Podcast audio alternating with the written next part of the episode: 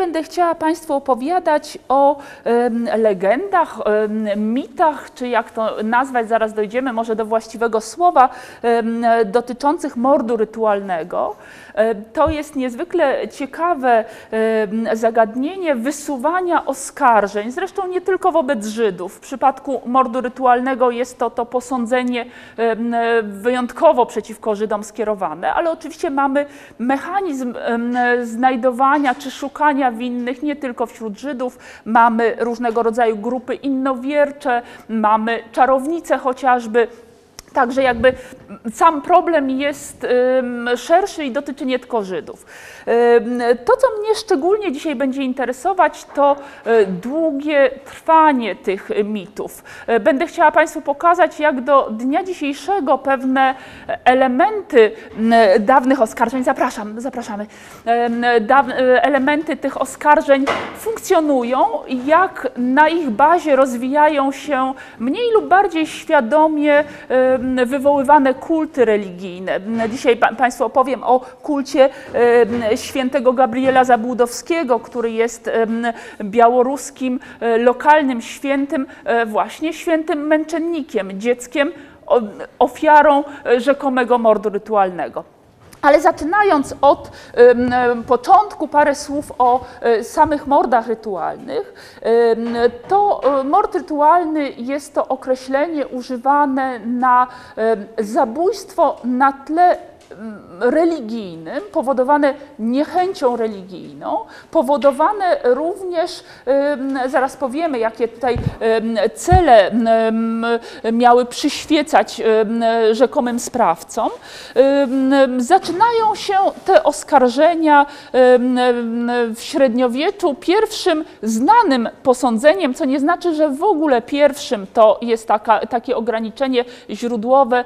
Nie zawsze, nie zawsze źródła dostarczają wszystkich informacji. Z tego co wiemy, prawdopodobnie pierwsze oskarżenie w Europie to jest oskarżenie w Anglii w m, połowie wieku XII e, mamy świętego Williama z Norwich. Oskarżenie, które, w którym ofiarą miał być chłopiec. Znaleziono zwłoki chłopca, chłopca nieco starszego, jak nam się kojarzy z dziećmi ofiarami e, mordów rytualnych. Chłopiec miał 12 lat.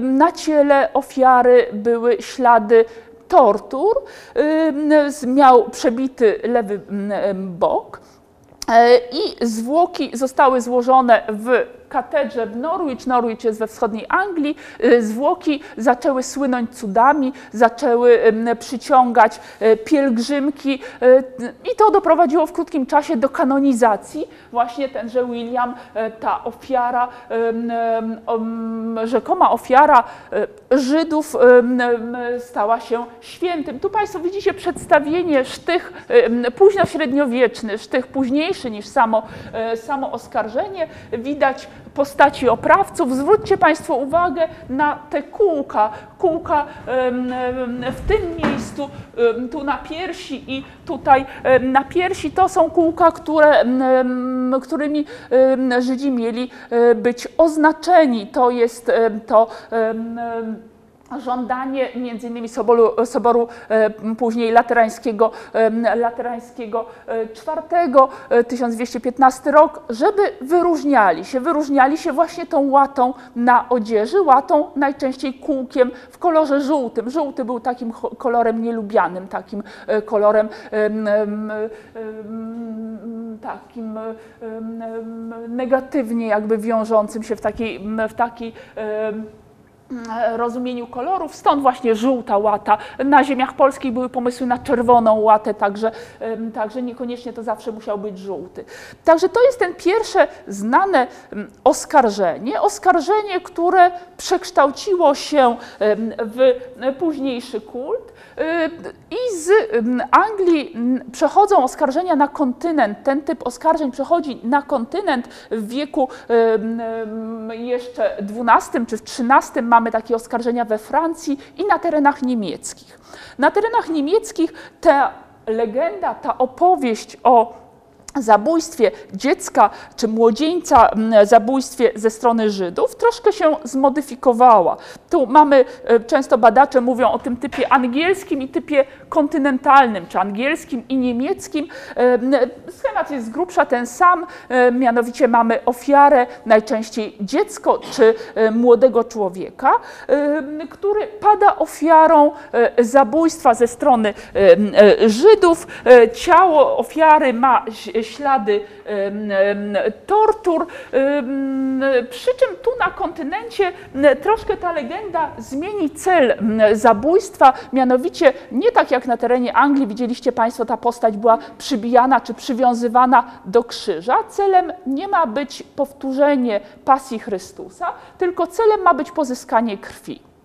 I to będzie pierwszoplanowym, pierwszoplanowym wątkiem w oskarżeniach o charakterze rytualnym, e, będzie pozyskiwanie krwi. Ta krew do różnego celu e, miała być przeznaczona. Legendy mówią o e, dodawaniu jej do macy, czyli niekwaszonego chleba e, wypiekanego na Pesach. Mówią o różnych celach magicznych. Magicznych, leczenie ran po obrzezaniu, em, przemywanie oczu noworodkom, bo Żydzi mieli się w takiej powszechnym przekonaniu rodzić ślepi. Wszel- Wszelkie gorsze nacje miały być właśnie ślepe.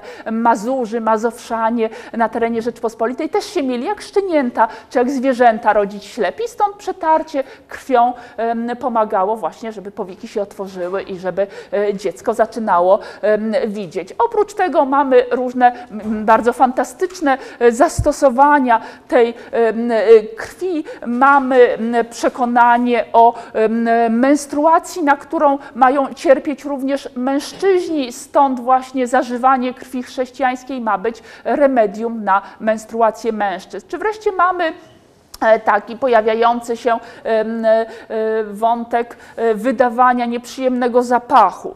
E, Śmierdzący Żydzi zażywając krwi chrześcijańskiej tego odoru, tego smrodu się pozbywają.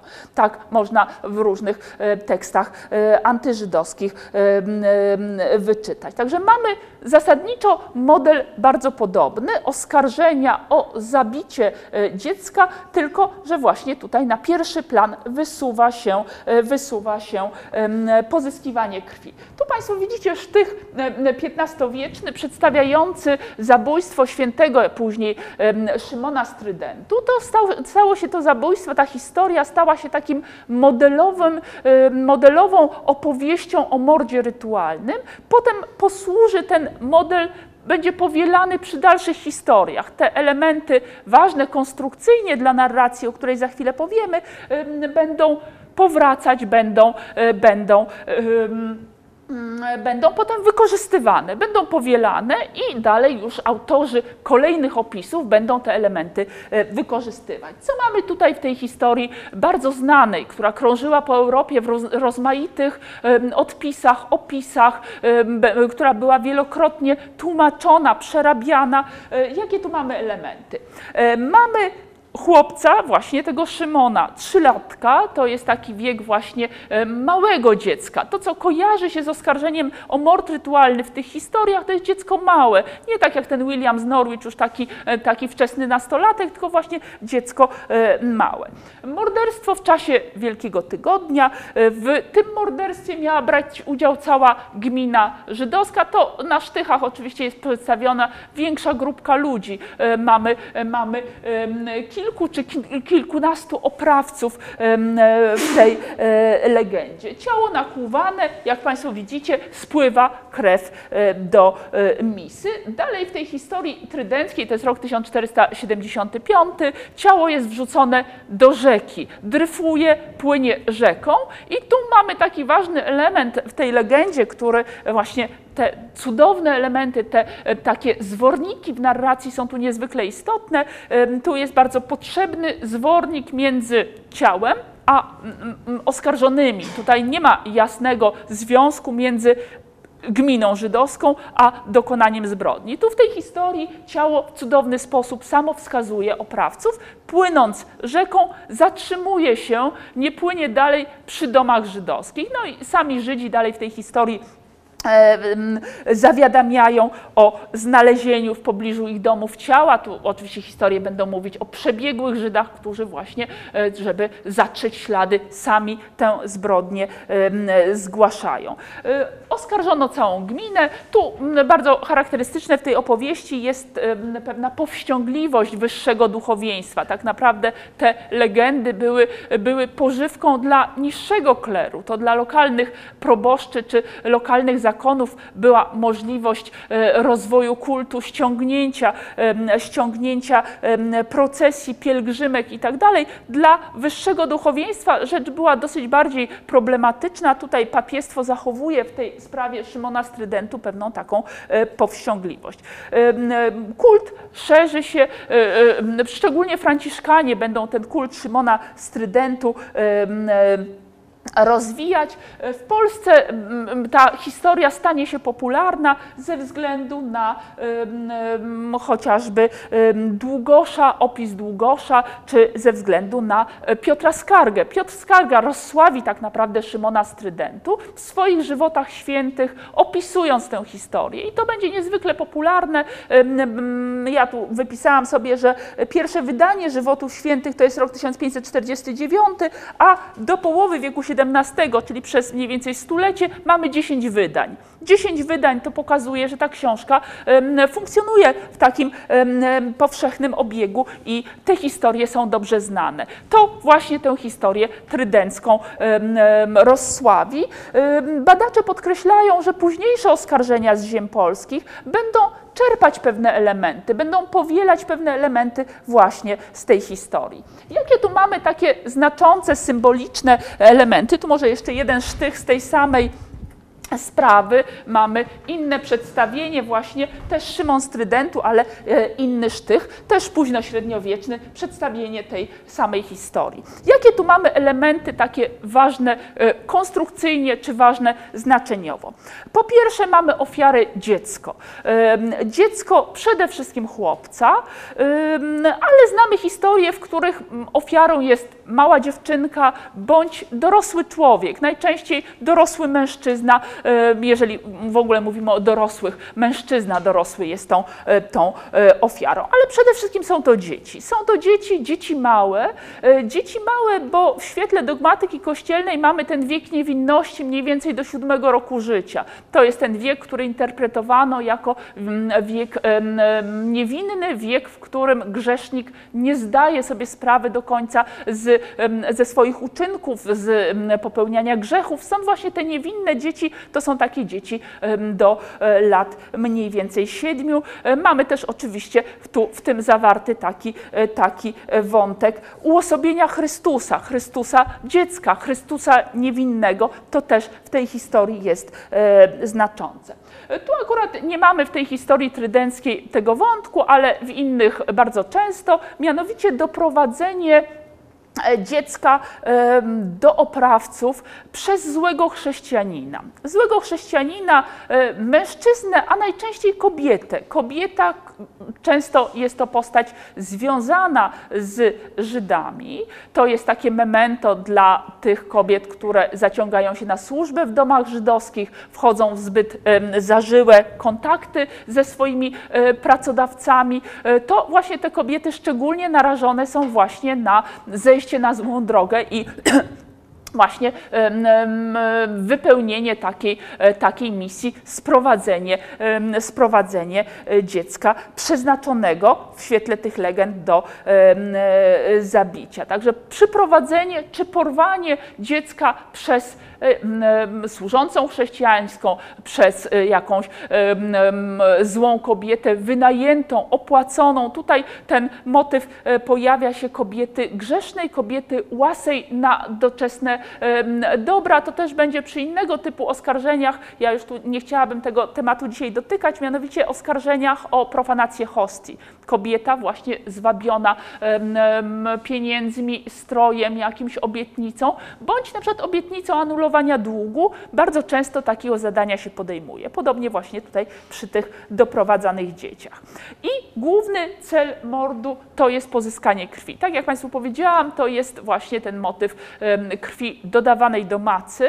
E, to, co jest takim najczęściej cytowanym, choć nie do końca ścisłym fragmentem Kitowicza, to to, że liberum veto bez, złota wolność, przepraszam, bez liberum veto się nie może obejść, a maca żydowska bez krwi chrześcijańskiej. To nie do końca jest cytat z Kitowicza, to Wójcicki wydając Kitowicza we wstępie taki zawarł fragment, że Kitowicz zgodnie z jakby z duchem y, swoich, swoich e, tekstów tak by to ujął i no niestety tak się przyjęło i tak cytat zaczął żyć e, swoim własnym życiem i e, powszechnie jako właśnie kawałek Kitowicza jest cytowany. No w każdym razie to przekonanie o konieczności dodawania krwi do niekwaszonego chleba wypiekanego na Pesach, co z punktu widzenia zasad żywnościowych żydowskich jest zupełnie bezzasadne. Kuchnia kuchnia żydowska absolutnie zakazuje spożywania krwi. Pod żadną formą, żadne potrawy e, nie mogą mieć krwi. Mięso musi być starannie oczyszczone. Ale tak ten, to przekonanie e, funkcjonuje niezależnie jakby e, od takich racjonalnych przesłanek. Mamy te wszystkie medyczne przeznaczenia E, krwi, bądź magiczne tutaj różnego rodzaju zastosowania, tak jak Państwu e, wspomniałam. Często w tych historiach mamy również wątek sojuszu żydowskiego dla pozyskania krwi. Autorzy różnych antysemickich dzieł piszą, że Żydzi dokonują takiej zmowy, że nie wszędzie jest możliwe pozyskanie tej krwi chrześcijańskiej, więc komu się uda, to jest zobowiązany właśnie do obdzielenia e, okolicznych gmin, obsyłanie właśnie tą pozostałą krwią sąsiednie gminy itd., tak itd. Tak Taki motyw też się często pojawia, taka właśnie solidarność żydowska i taki właśnie jakby wspólne działanie. Nie tylko zbrodnia jest planowana i przeprowadzana w jednej gminie, ale ma znacznie szerszy e, e, wymiar. Istotny też w tych historiach jest też wątek, e, wątek e, pasji Chrystusa, tutaj się powtarza, także te dwa elementy tutaj się zbiegają właśnie w tej Wielkanocy, czy w tej e, Pesach, mniej więcej w terminie właśnie takiej wczesnej wiosny to wszystko wypada. Co jeszcze jest charakterystyczne dla tych opowieści, wielu jest w ten schemat wpisane. Pozbywanie się ciała ofiary. Winowajcy próbują w pewnym momencie pozbyć się ciała ofiary, jako no tego właśnie obciążającego dowodu swojej zbrodni i wbrew intencji ukrycia ciała, pozbycia się go, bardzo szybko zbrodnia wychodzi na jaw. Wychodzi na jaw dzięki cudownym wydarzeniom. E, ciało zostaje wykopane przez zwierzęta, ciało zostaje e, cudownie odnalezione, ciało właśnie jak to ciało Szymona z Trydentu dryfuje i zamiast spłynąć rzeką, gdzieś tam zniknąć, zatrzymuje się przy domach żydowskich. Zresztą tak na marginesie znalezienie ciała często jest tym jedynym prawdziwym elementem tych historii. To znaczy, oczywiście znamy takie oskarżenia, gdzie Żydzi są oskarżeni o zabicie dziecka, a dziecko w trakcie procesu na przykład się znajduje. Także to też jest możliwy taki scenariusz, ale często właśnie zaczyna się od znalezienia ciała ofiary. To oczywiście żeby do końca dopowiedzieć, te ofiary były. Oczywiście nie były ofiarą, ofiarami morderstw żydowskich, ale były ofiarami różnego rodzaju wypadków, różnego rodzaju ataków dzikich zwierząt. Tutaj najrozmaitsze sytuacje się zdarzały. No właśnie ten, e, ta, to, że w większości są to mali chłopcy, ruchliwi i e, kręcący się często bez dozoru. Bardzo często właśnie te ciała znajdowane, ciała, które poddawano potem obdukcji i całemu postępowaniu sądowemu, właśnie właśnie były ciałami ofiar nieszczęśliwych, nieszczęśliwych wypadków. Co jeszcze jest w tych historiach takim częstym elementem? Podejrzenie padające na Żydów, również często takim cudownym elementem ciało wskazuje samo na winowajcę, nie tylko zatrzymuje się, czy nie daje się pogrzebać, ale na przykład kiedy do ciała zbliżają się Żydzi, krew wypływa e, z ran. Zbliżają się Żydzi, no bo oczywiście oglądanie zwłok było taką atrakcją ogólną, lokalną i różne e, takie, dzisiaj byśmy m, dla nas dziwne zainteresowanie egzekucjami, czy właśnie takimi, takimi em, oglądaniem zmasakrowanych zwłok było taką rozrywką lokalną właściwie dla wszystkich. Stąd właśnie Żydzi pojawiający się przy ciele i ten wątek wskazania cudownego winowajcy. Wskazania winowajcy właśnie dlatego, że może krew cudownie y, z rany wypłynąć, czy może być jakiś nadzwyczajny, jeszcze inny y, y, znak. I mamy jeszcze też motyw oskar oskarżenia, aresztowania winnych i mm, poddania ich torturom. Tortury są zwykłą procedurą sądową, to też nie ma w tym nic nadzwyczajnego. Często oskarżeni wskazują na Talmud jako na główną e, przyczynę popełniania zbrodni. Przyznają się oczywiście pod wpływem e, tortur, nie są to jakby takie dobrowolne e, zeznania.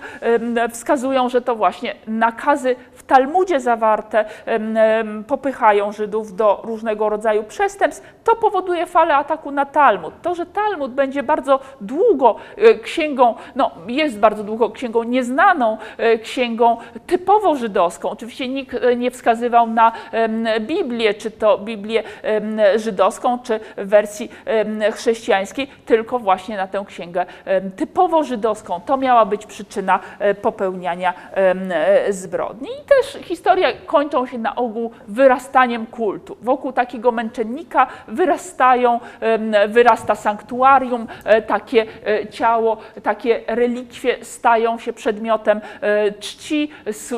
Często powstają takie księgi w miejscach, gdzie, gdzie wystawione są relikwie i zapisuje się różnego rodzaju cudowne wydarzenia, uzdrowienia.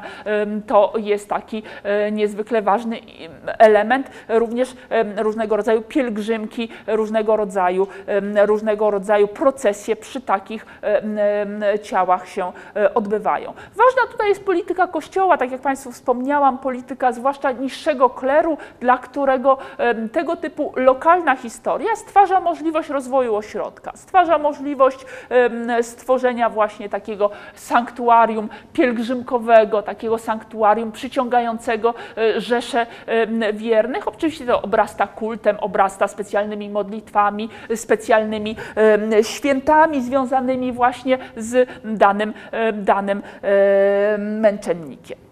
To jest taki generalny schemat. E, Jeśli chodzi o ziemie polskie, em, tu em, pierwsze takie wzmianki o oskarżeniach e, e, rytualnych próbuje się wskazać w pierwszym przywileju. Żydzi osiadają na ziemiach polskich mniej więcej w wieku XI. Zaczyna się powstawanie takich na początku malutkich, potem coraz większych skupisk żydowskich i stopniowo egzystencja Żydów przyjmuje bardziej takie zinstytucjonalizowane, prawnie usankcjonowane formy.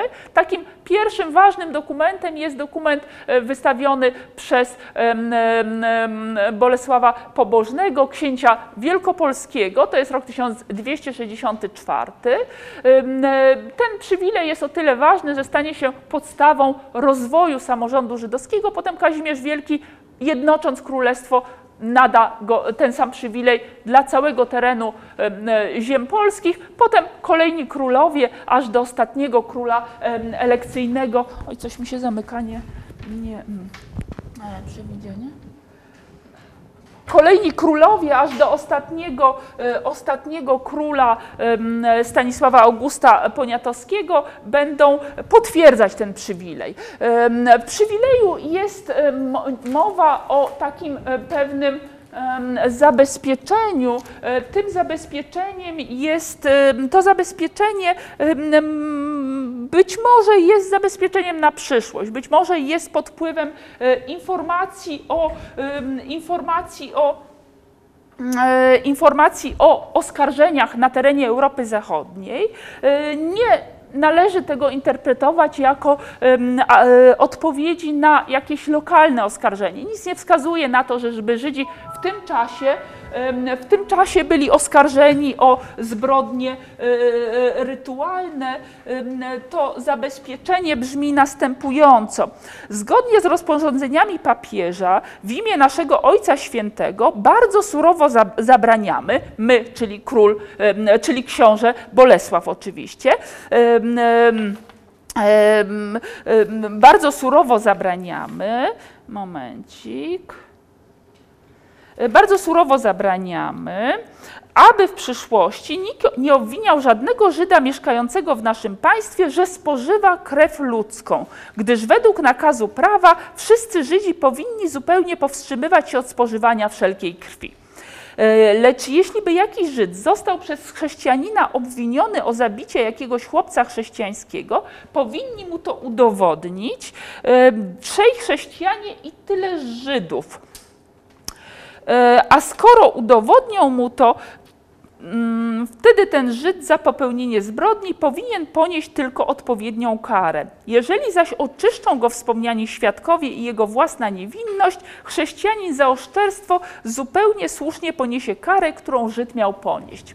Czyli nikogo nie wolno obwiniać o spożywanie krwi, a jeżeli ktoś chce wysunąć takie oskarżenie, to musi być, muszą być świadkowie zarówno żydowscy, jak i chrześcijańscy i oczywiście za fałszywe takie oskarżenie oskarżycielom, chrześcijanom e, grozi, e, grozi kara taka, jaka by miała spotkać oskarżonego. To wszystko wskazuje na to, tak badacze Żydów średniowiecznych e, interpretują to jako zabezpieczenie na przyszłość, jako, jako próbę uchronienia się. Oczywiście ten, pli, ten dokument powstaje, jest wystawiony przez księcia właśnie w wyniku próśb żydowskich, właśnie w wyniku starań Żydów wielkopolskich i właśnie to jest ten chęć uchronienia się przed oskarżeniami. Pierwsza wzmianka, która może wskazywać na to, że coś przeciwko Żydom wysunięto, jakieś oskarżenie tego typu, to jest wzmianka u Długosza e, z roku 1407, mówiąca o tumulcie antyżydowskim w Krakowie, gdzie przyczyną tumultu miało być, miał być rzekomy atak Żydów na księdza idącego do chorego z wiatykiem i pogłoska o zabiciu dziecka. Nic nie wiadomo więcej na ten temat. E, Długoż tylko tyle odnotował. Nic nie wiadomo, żeby był jakiś e, proces czy jakiś, jakieś inne okoliczności tego, poza takimi właśnie zaburzeniami czy takimi, e, takimi, takimi właśnie. em, no coś mi się nie chce tutaj. E, Takimi właśnie e, posądzeniami. Tu jeszcze Państwu chciałam pokazać dwa sztychy średniowieczne, jeszcze europejskie, to mi troszkę umknęło. Sappenfeld em, em, 1540 i mord rytualny w Ratyzbonie 1576. Tutaj powielona, e, zmultiplikowana jest liczba ofiar. Tu Państwo widzicie tych dzieci, rzekomych ofiar mordu żydowskiego miało być e, sześć tutaj e, w świetle tej e, historii. E, Po tej, tej pierwszej wzmiance Długosza e, mamy właściwie przez ponad wiek brak informacji o jakichś oskarżeniach czy zamieszkach antyżydowskich. Potem pojawiają się oskarżenia w mniej więcej połowie wieku XVI. Potem będą, będą co jakiś czas wysuwane, przynajmniej w świetle źródeł, co jakiś czas te historie będą się pojawiać. Kogo z Państwa by to interesowało? Mamy parę książek na ten temat. Jest książka pani Hanny Węgrzynek z, na końcu z listą właśnie wzmianek źródłowych o różnego rodzaju oskarżeniach. Jest książka dwóch badaczy, Zenona Guldona, Jacka Wijaczki, też o mordach e, rytualnych. Jest też książka troszkę z innego punktu widzenia pisana, z punktu widzenia antropologa, książka pani Joanny Tokarskiej-Bakier, Bakir, Legendy o krwi. To jest takie antropologiczne e, spojrzenie, ale na do rytualnych jest też książka troszkę z innego punktu widzenia pisana, z punktu widzenia antropologa, książka pani Joanny Tokarskiej-Bakier, Bakir, Jo- Legendy o krwi. To jest takie antropologiczne e, spojrzenie, ale na do, dokładnie tę samą kwestię oskarżeń o charakterze rytualnym. Mamy też oskarżenie chyba najbardziej e, znane, kojarzone ze względu na ikonografię, oskarżenie z Sandomierza. Sandomierz parokrotnie był, e, gmina sandomierska była parokrotnie oskarżana o em, mord rytualny. Na początku wieku XVII mamy tam chyba 1609 rok wysunięcie oskarżenia, potem u schyłku wieku e, XVII 1698 i to, co Państwo widzicie, to są e, malowidła Karola e, em, przedstawiające w ogóle żywoty świętych, między innymi tutaj mamy ofiary mordu rytualnego, taka historia jakby na jednej planszy, to jest taki gigantyczny obraz, cała afera była właśnie o, dotycząca, dotycząca tych malowideł, one w katedrze w Sandomierzu się e, znajdują, one zostały teraz zasłonięte, no, było problem właśnie odpowiedniego opisu, które powinny e, posiadać. Takie właśnie gigantyczne obrazy, które e, różne e, historie z życia świętych. Ta akurat e, przedstawia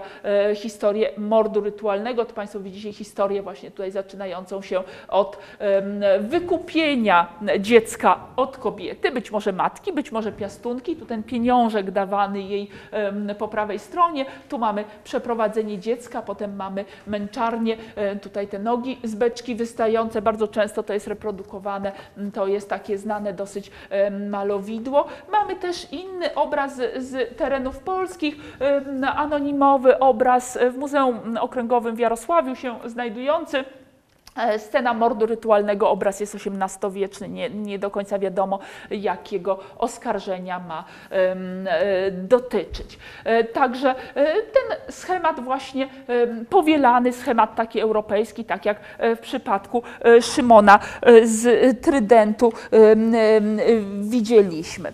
Co jest szczególnie interesujące, to żywotność tych legend. Te legendy będą po, pojawiały się w różnego rodzaju oskarżeniach wysuwanych przeciwko Żydom przez wiek XIX do początku wieku XX.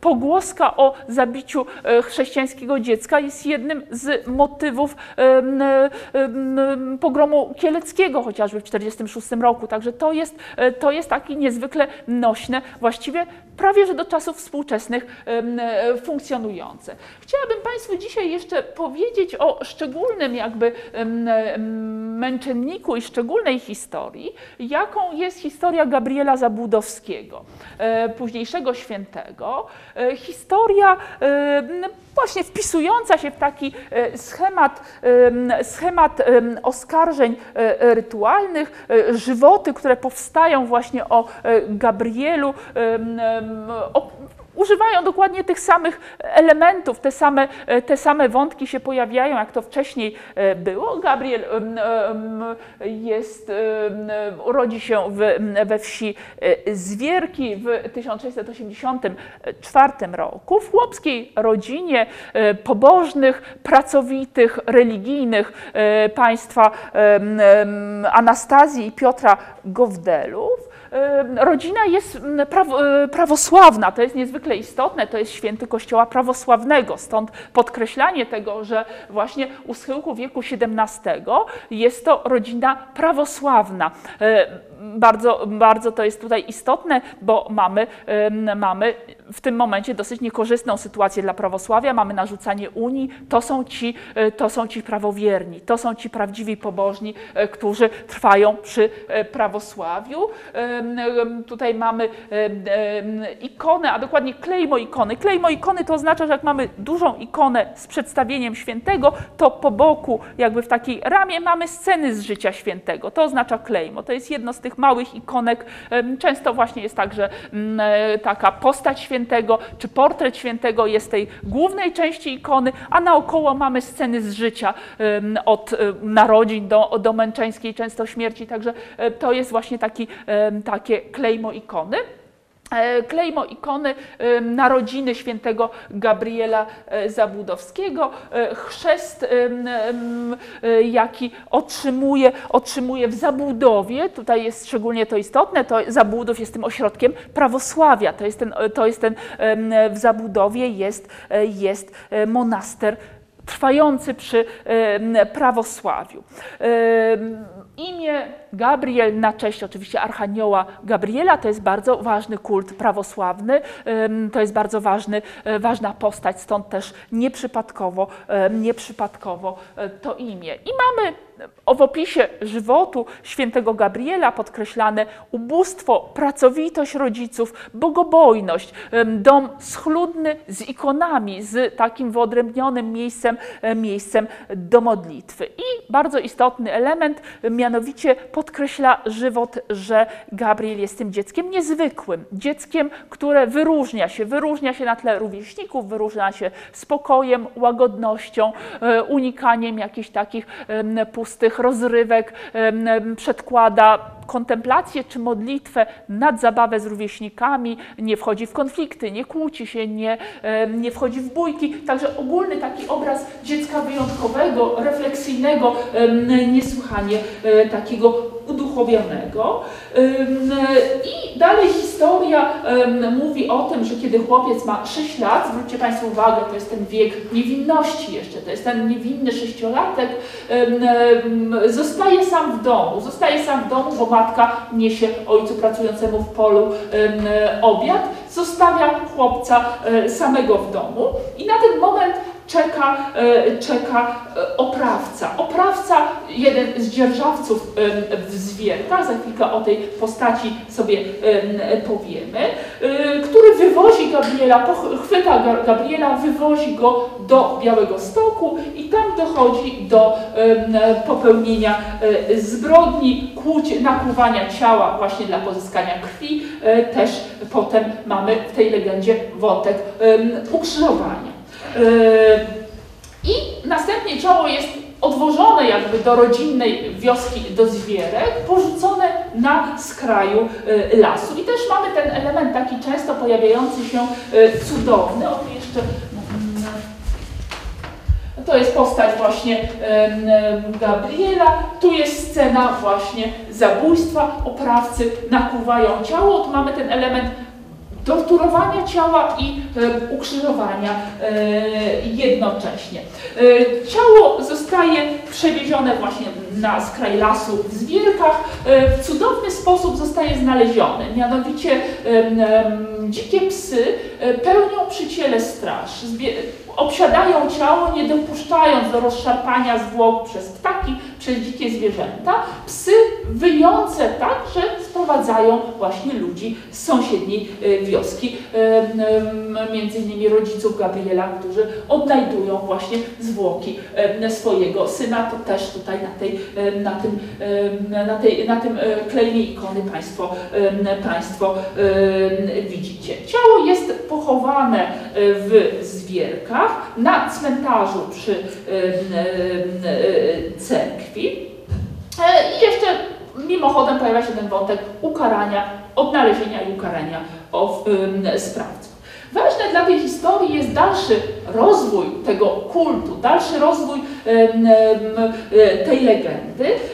Mianowicie po śmierci, e, 30 lat po śmierci Gabriela. Mamy szalejącą epidemię cholery, to jest rok 1720, kiedy mamy bardzo wiele zgonów, bardzo wiele pogrzebów i stąd e, przy grzebaniu kolejnych zmarłych zostaje naruszony grób Gabriela właśnie przy tej cerkwi w Zwiertach, zostaje naruszony i ku swojemu zdumieniu kopiący grób odkrywają, że zwłoki są nienaruszone. Zwłoki są nienaruszone, te nienaruszone zwłoki wydobyto i wyeksponowano w cerkwi w Zwierkach. To mamy taki cudowny element właśnie tego, mm, tego, że zwłoki nie ulegają rozkładowi. Oprócz tego mamy ustanie epidemii cholery. To jest drugi cudowny element, który właśnie to wydobycie zwłok e, powoduje. I rozwija się, zaczyna rozwijać się kult świętego dziecka męczennika. W Zwierkach co prawda wybucha pożar, płonie y, cerkiew, ale co dziwne, relikwie zostają nienaruszone. Relikwie zostają nienaruszone, nadpala się tylko jedna ręka y, męczennika, potem zresztą w cudowny sposób się zabliźni i zagoi ta rana y, spowodowana przez pożar. Tym niemniej cerkiew się w zwierkach wypala, to jest połowa XVIII wieku i ciało wędruje, zostaje przeniesione do Zabudowa, do monastyru w Zabudowie. E, Tutaj ten, e, ta cerkiew e, zaśnięcia przy Najświętszej Boga Rodzicy w Zabudowie.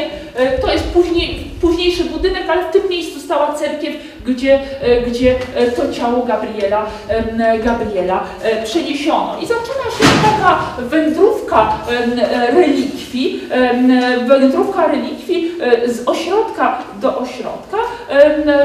Parę lat później zwłoki zostają przewiezione do Słucka. Słuck jest bardzo silnym ośrodkiem prawosławia. Słuck w XVIII wieku jest największym miastem em, prywatnym na terenie Wielkiego Księstwa Litewskiego. Jest ostoją prawosławia, stąd nieprzypadkowo Słuck e, staje się właśnie tą siedzibą, e, w której będą, e, do której trafią zwłoki. Między, między Zabudowem a Słuckiem jest około 300 kilometrów. Mamy opis przewożenia tych zwłok na rękach niesionej trumny i olbrzymiej procesji, która będzie temu towarzyszyć, witających, witających wiernych, e, wita- witających orszak, który przechodzi przez ich, e, przez ich e, tereny. To wszystko bardzo, bardzo rozsławia świętego męczennika. E, W roku 1820 mamy kanonizację. Gabriel Zabudowski staje się, e, staje się świętym, oficjalnym świętym e, rosyjskiej cerkwi prawosławnej.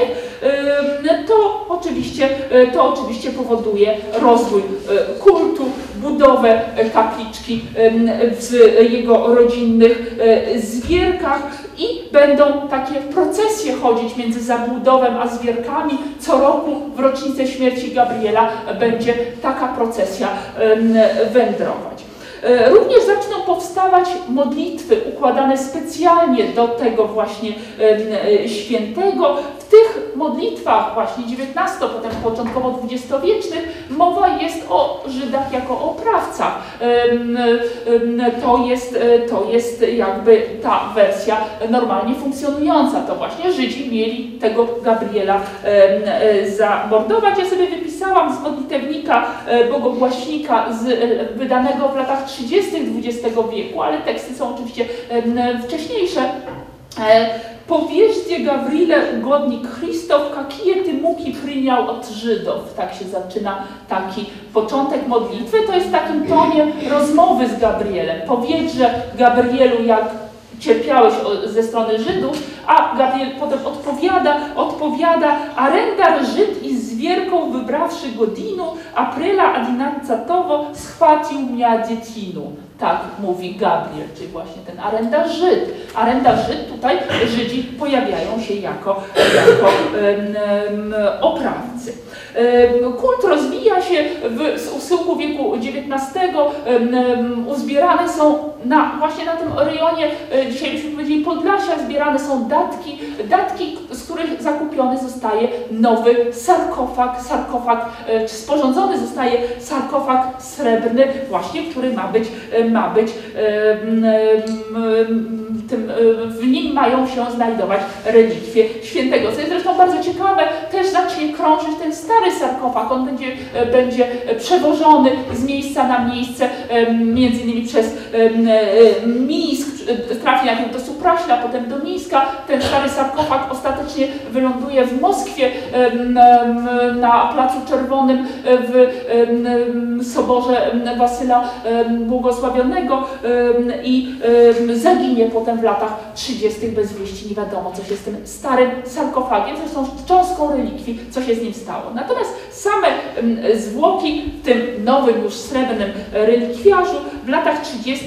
dotrą do em, e, Mińska. początkowo do Muzeum Ateizmu, a potem zostaną em, wydobyte przez prawosławnych do monasteru Przemienienia Pańskiego. Tu na starej pocztówce Państwo widzicie tam z tyłu tę kopułę za drzewami tego monastyru.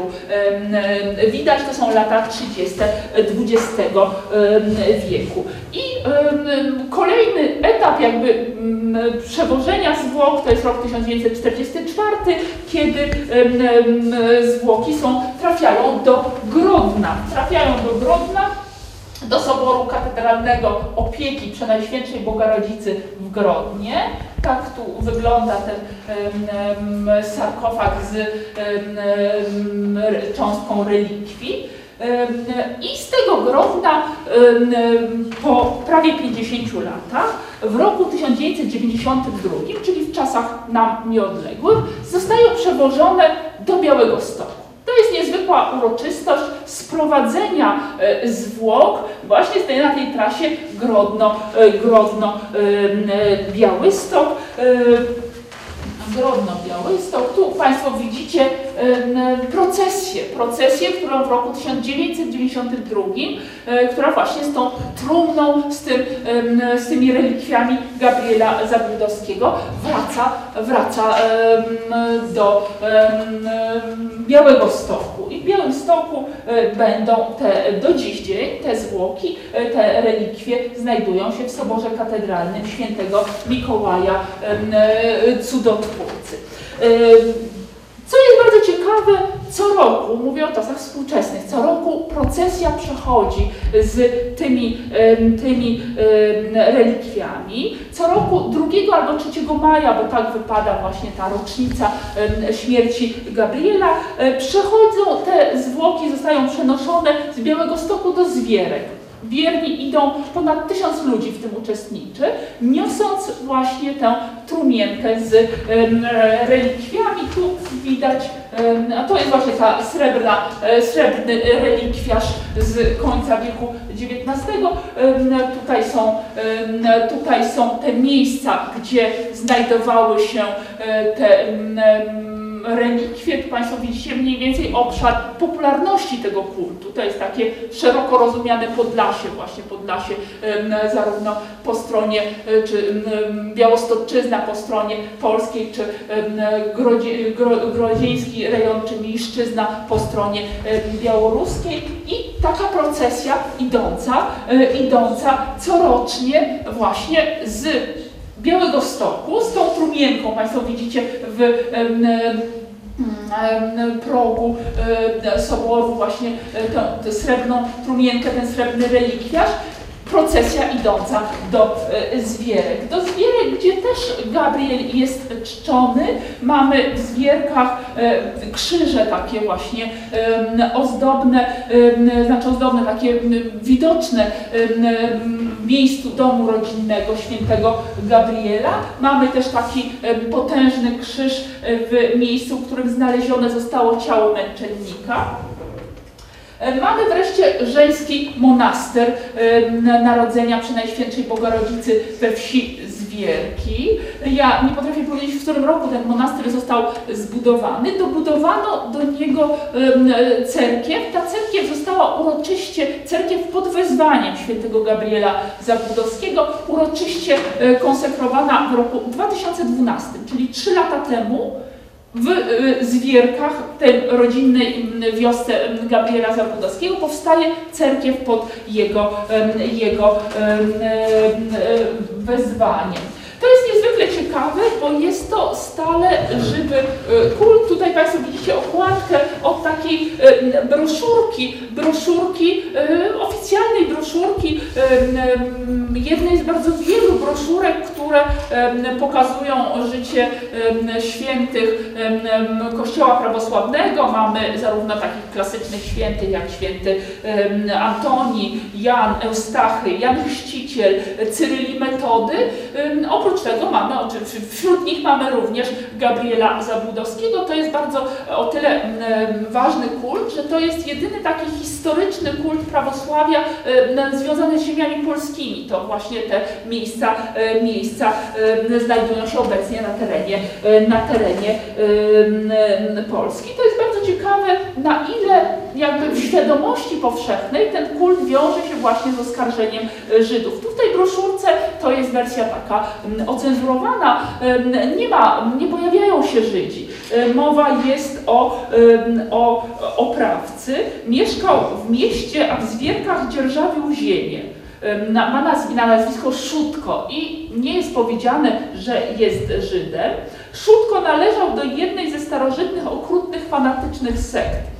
Członkowie tej strasznej sekty, łamiąc wszelkie boskie i ludzkie prawa, porywali małe dzieci do swoich rytualnych obrzędów i razem ze zwierzętami składali je jako ofiary. Zabójstwa dzieci nie zdarzały się często, dlatego trudno było odnaleźć i ukarać przestępców sekciarzy.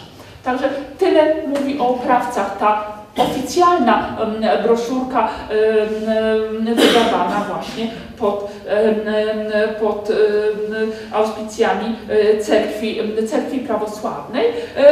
Ten kult jest bardzo istotny, bardzo, tu jak Państwo widzicie na okładce, jest to Gabriel Zabudowski, jest patronem dzieci i młodzieży. To jest właśnie taka polityka, e, właśnie e, jest patronem em, Bractwa Młodzieży Prawosławnej w Polsce. Relikwie znajdujące się na co dzień w Białymstoku są celem pielgrzymek autokary z młodzieżą szkolną z e, Podlasia, Podlasia e, przyjeżdżają właśnie w to miejsce.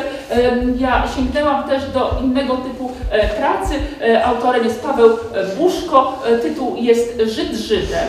Wizerunek Żyda w kulturze ludowej podlaskich prawosławnych Białorusinów. E, To jest przykład akurat Orli głównie analizowany.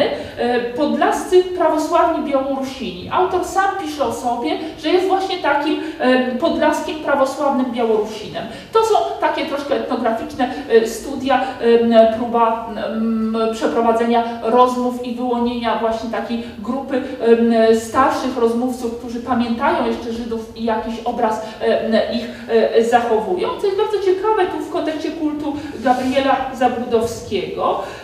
Pisze o sobie właśnie Paweł Buszko, że też był takim e, uczestnikiem takiej właśnie ym, pielgrzymki e, dzieci e, czy młodzieży do relikwii Gabriela Zabudowskiego. Pisze tak, w jednym z takich autobusów kilkanaście lat temu przyjechałem również ja, uczeń szkoły podstawowej w Hajnówce.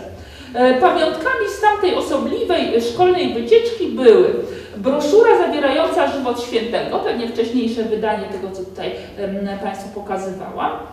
E, Zalaminowana reprodukcja ikony przedstawiającej małego męczennika i wspomnienie kilku bezsennych nocy, kiedy bujna wyobraźnia malowała w mojej głowie obrazy nabijanej gwoździami beczki ze zmasakrowanym dzieciątkiem w środku.